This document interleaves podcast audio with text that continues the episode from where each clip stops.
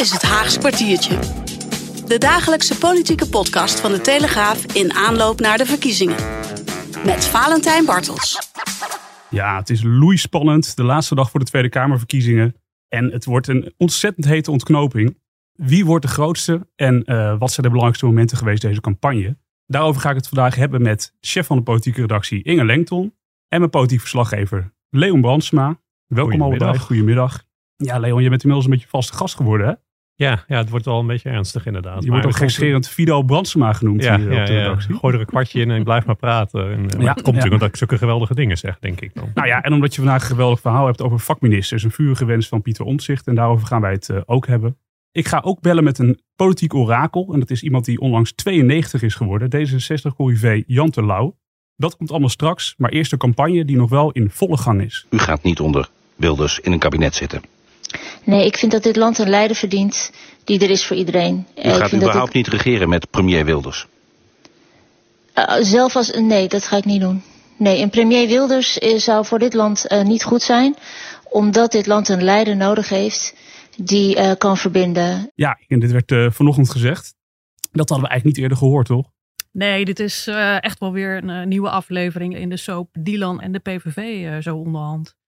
Ze heeft eerder de deur op een kier gezet. Eigenlijk direct toen ze lijsttrekker was Ja, gemaakt. voor de PVV. En toen ging die deur nou ja, afwisselend wat verder open en weer wat verder dicht. En nou ja, dit is de laatste bokkensprong die ze maakt. Ze trekt die deur weer een eindje verder dicht. Ja.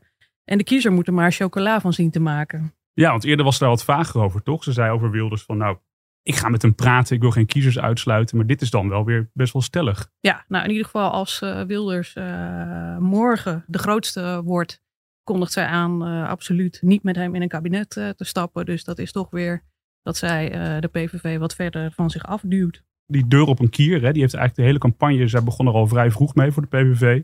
Heeft hij wel de hele campagne wel een rol gespeeld? Hoe eigenlijk?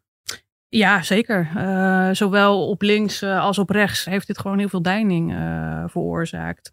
Op links vooral was het reden om, om de angstkaart te trekken. Hè, als de PVV de grootste wordt of groter wordt. Of als die weer salonveeg wordt, dan ziet links daar echt nou ja, een rampscenario in. Ja, en, en, Wilders heeft dat toch wel ja, kiezers bezorgd. daar waar kiezers eerder misschien dachten van ja, als ik op Wilders stem, dan is het een weggegooide stem, want er zit een ban op die partij.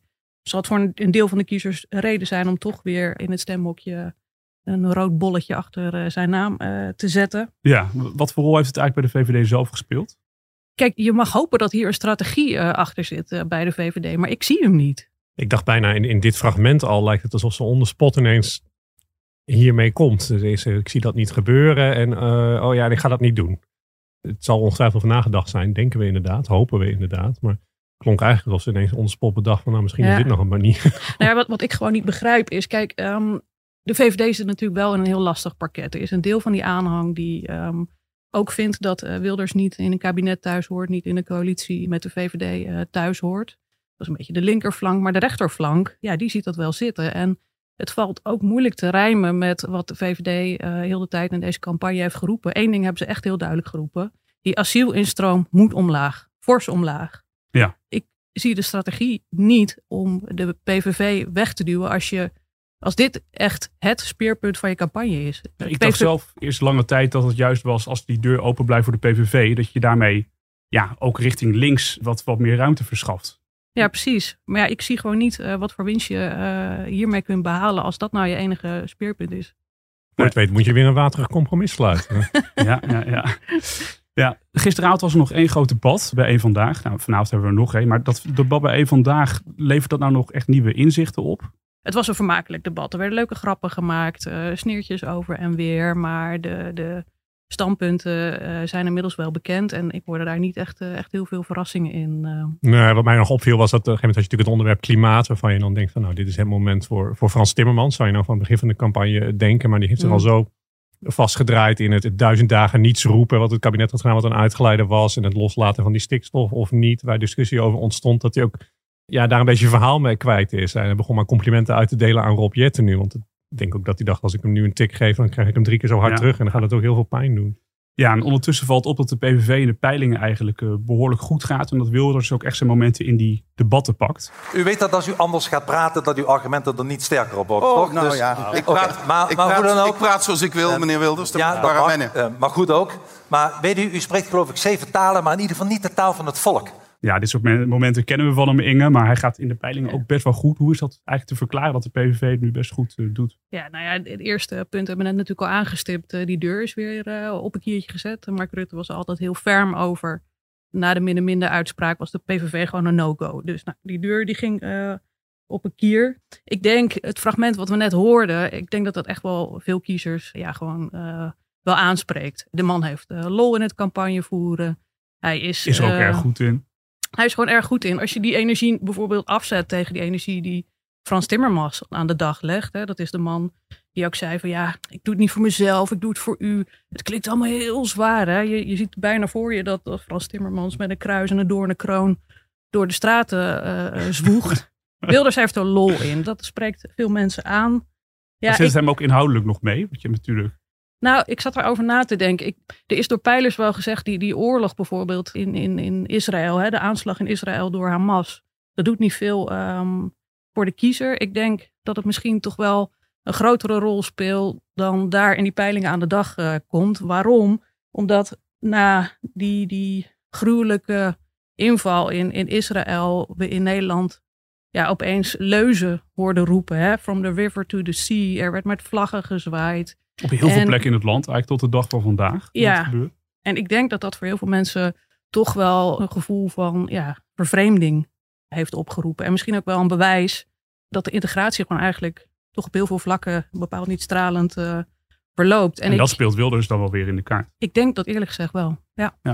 Oké, nou vanavond is er natuurlijk ook nog een debat. Het NOS-slotdebat. We zitten hier in de Tweede Kamer op onze redactie. En druk wordt er beneden al van alles eh, opgebouwd. Allerlei tribunes worden er neergezet.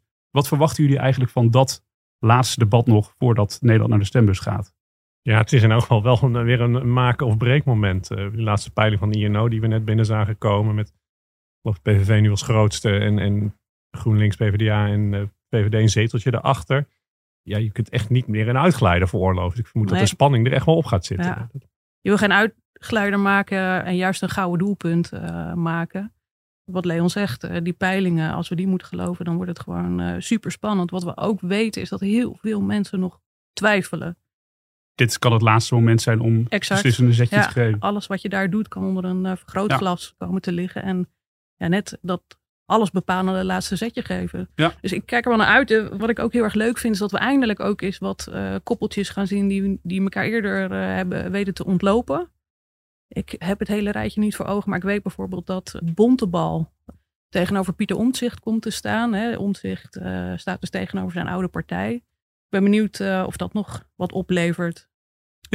Nou, we gaan het volgen. Hartstikke spannend allemaal. Leon, ik ga met jou even naar de vakministers. Een vurige wens van Pieter Omtzigt. Als hij premier zou willen worden, daar werden meteen voorwaarden aan verbonden. Namelijk dat hij in zo'n kabinet vakministers zou willen hebben. Maar wat is dat eigenlijk, zo'n vakminister? Ja, je kunt het op twee manieren volgens mij zien. De eerste kan zijn gewoon echt een, een, een wetenschapper, een expert, een deskundige op een bepaald gebied die op zich niet per se een politicus is. En dan op het desbetreffende ministerie gaat werken als minister. En dan denk je aan Ernst Kuipers, die directeur van de ziekenhuizen was en eh, nu minister Zorg.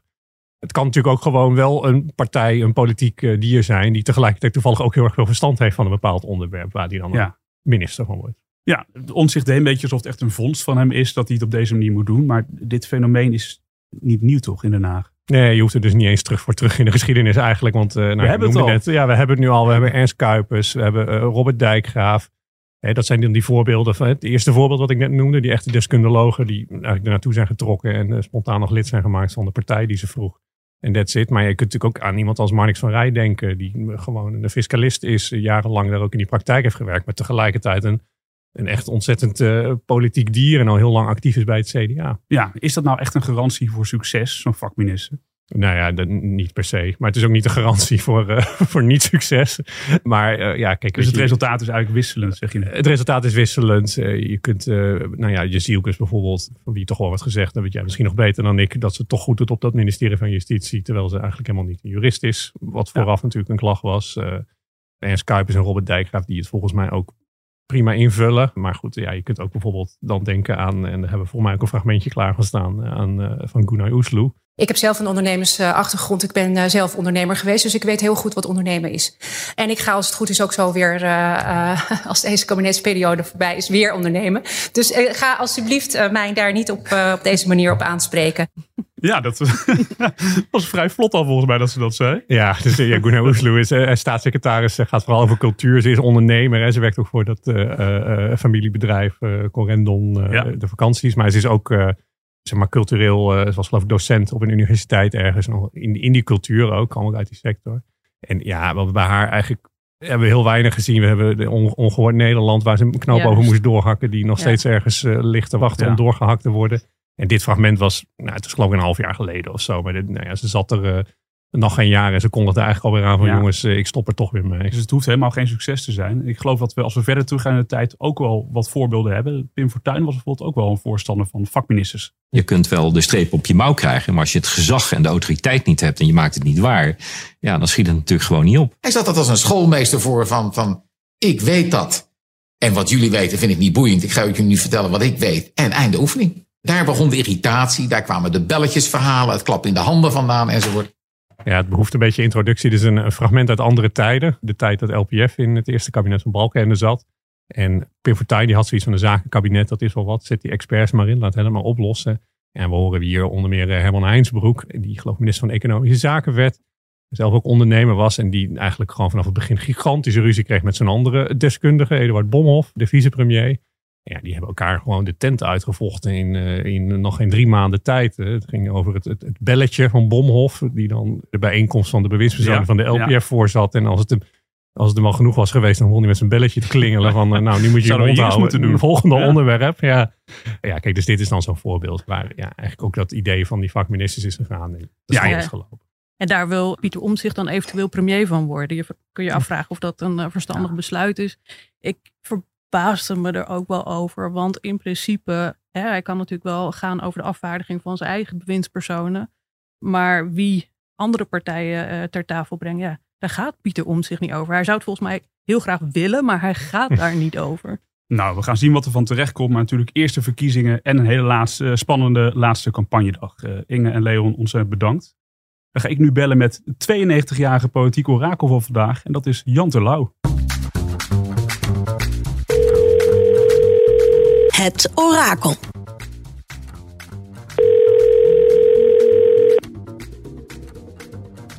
Terlouw. Dag meneer Terlouw, met Valentijn Bartels. Dag meneer Bartels. Mag ik u allereerst even feliciteren nog met uw 92e verjaardag? Dank u wel. Is Rob Jetten nog even een taartje komen eten op het landgoed? nou nee, die was net eerder al geweest, maar die heeft wel een hartelijke felicitatie gestuurd. Ja, die is natuurlijk veel te druk met flyer en debatten, eh, lijkt me ook hè? Ja, die debatteert me er wat op los, zeg.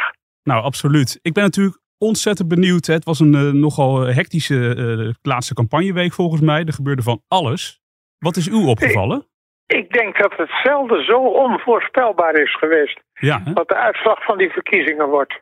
Ik denk dat er heel veel Nederlanders morgen zich politicus wanen. Die denken, wat moet ik nou doen? Principieel stemmen of strategisch stemmen? Ja. En, en, dan ben ik geneigd om te zeggen, stem nou maar eens principieel, zodat we weten hoe Nederland echt denkt. En laat maar aan de politici over om een kabinet te gaan vormen. En daarbij zul je allerlei strategische overwegingen hebben. Ja, want er zijn natuurlijk wel heel veel oproepen om zo'n strategische stem te doen. Hè? Bijvoorbeeld vanuit uh, PvdA GroenLinks. Wat, wat, Ja, vindt, u, wat vindt u daarvan, zo'n oproep? Ja, die wil natuurlijk stemmen afpikken van D66 en de Partij van de Dieren en zo. Ja. Ik zeg, ja, dat kun je wel willen, maar dan gaan de mensen heel teleurgesteld zijn s'avonds. Dan denken ze, hij kan er niks mee en mijn partij is de stem kwijt. Wat vindt u dan eigenlijk van de campagne van Frans Timmermans? Als u dat, eh, hij probeert natuurlijk ook een progressief eh, groen geluid te vertolken. Als u dat afzet tegen Rob Jetten bijvoorbeeld. Ja, hij blijft wel heel principieel en het is natuurlijk, hij wil ook eh, mensen uit de armoede hebben. Hij doet een heleboel dingen waar ik het mee eens ben. En het klimaatbeleid staat bij hem ook heel hoog op de agenda. Dat vind ik ook heel erg goed natuurlijk. Ja. Ik zou het helemaal niet betreuren hoor als hij premier werd. Nee, maar u gaat zelf, begreep ik uit het filmpje van gisteren, op Rob Jetten stemmen. Tuurlijk, ik ga in ieder geval Ja. D66 stemmen, ja. Ja. Dat doe ik mijn halve leven al. Nee, dat snap ik ook. We zien ook de peilingen natuurlijk, daar tekent zich ook een behoorlijk rechts blok af. Hè, met eh, de PVV, de flinke opkomst, de VVD en NSC. Zo'n rechtskabinet. Denkt u dat, dat dat ook gaat gebeuren? Nou, ik kan me niet voorstellen dat er een meerderheid gevormd kan worden met de PVV. Daarvoor is toch wat Wilders doet te onprincipieel. Ja. Te onstaatrechtelijk. Dus dat ziet u niet kan ik gebeuren. me niet voorstellen dat dat gaat leiden tot een meerderheid. En dat hoop ik dan ook maar. Ja, en wat verwacht u dan? Het is natuurlijk, er kan natuurlijk van alles schuiven op die laatste dagen. Maar wat, wat ziet u dan wel gebeuren? Ja, dat is het onvoorspelbare. Hè? Ik kan me voorstellen dat men toch over rechts probeert dat dat geen meerderheid kan worden. Want de BBB wordt waarschijnlijk ook zo groot niet. Hangt ook heel erg vanaf wat Pieter Omtzigt gaat doen. En dan zou er ook over links wel een meerderheid gevormd kunnen worden met een beetje geluk. We gaan het allemaal zien, eh, meneer Terlouw. Eh, morgen is het zover. Dit was Ja. eh, de laatste aflevering waarin wij u, met u het campagne-nieuws bespreken. Dus ontzettend veel dank daarvoor. Eh, ik vond het erg plezierig. Ik vond het leuk. Ja, Nou, fijn. Dank tot u de wel. volgende keer hè. Oké, bedankt hoor. Dag. Dag. Dit was Haas kwartiertje. Leuk dat je luisterde. Donderdag, de dag na de verkiezingen, zijn we er weer om half vijf. Tot dan.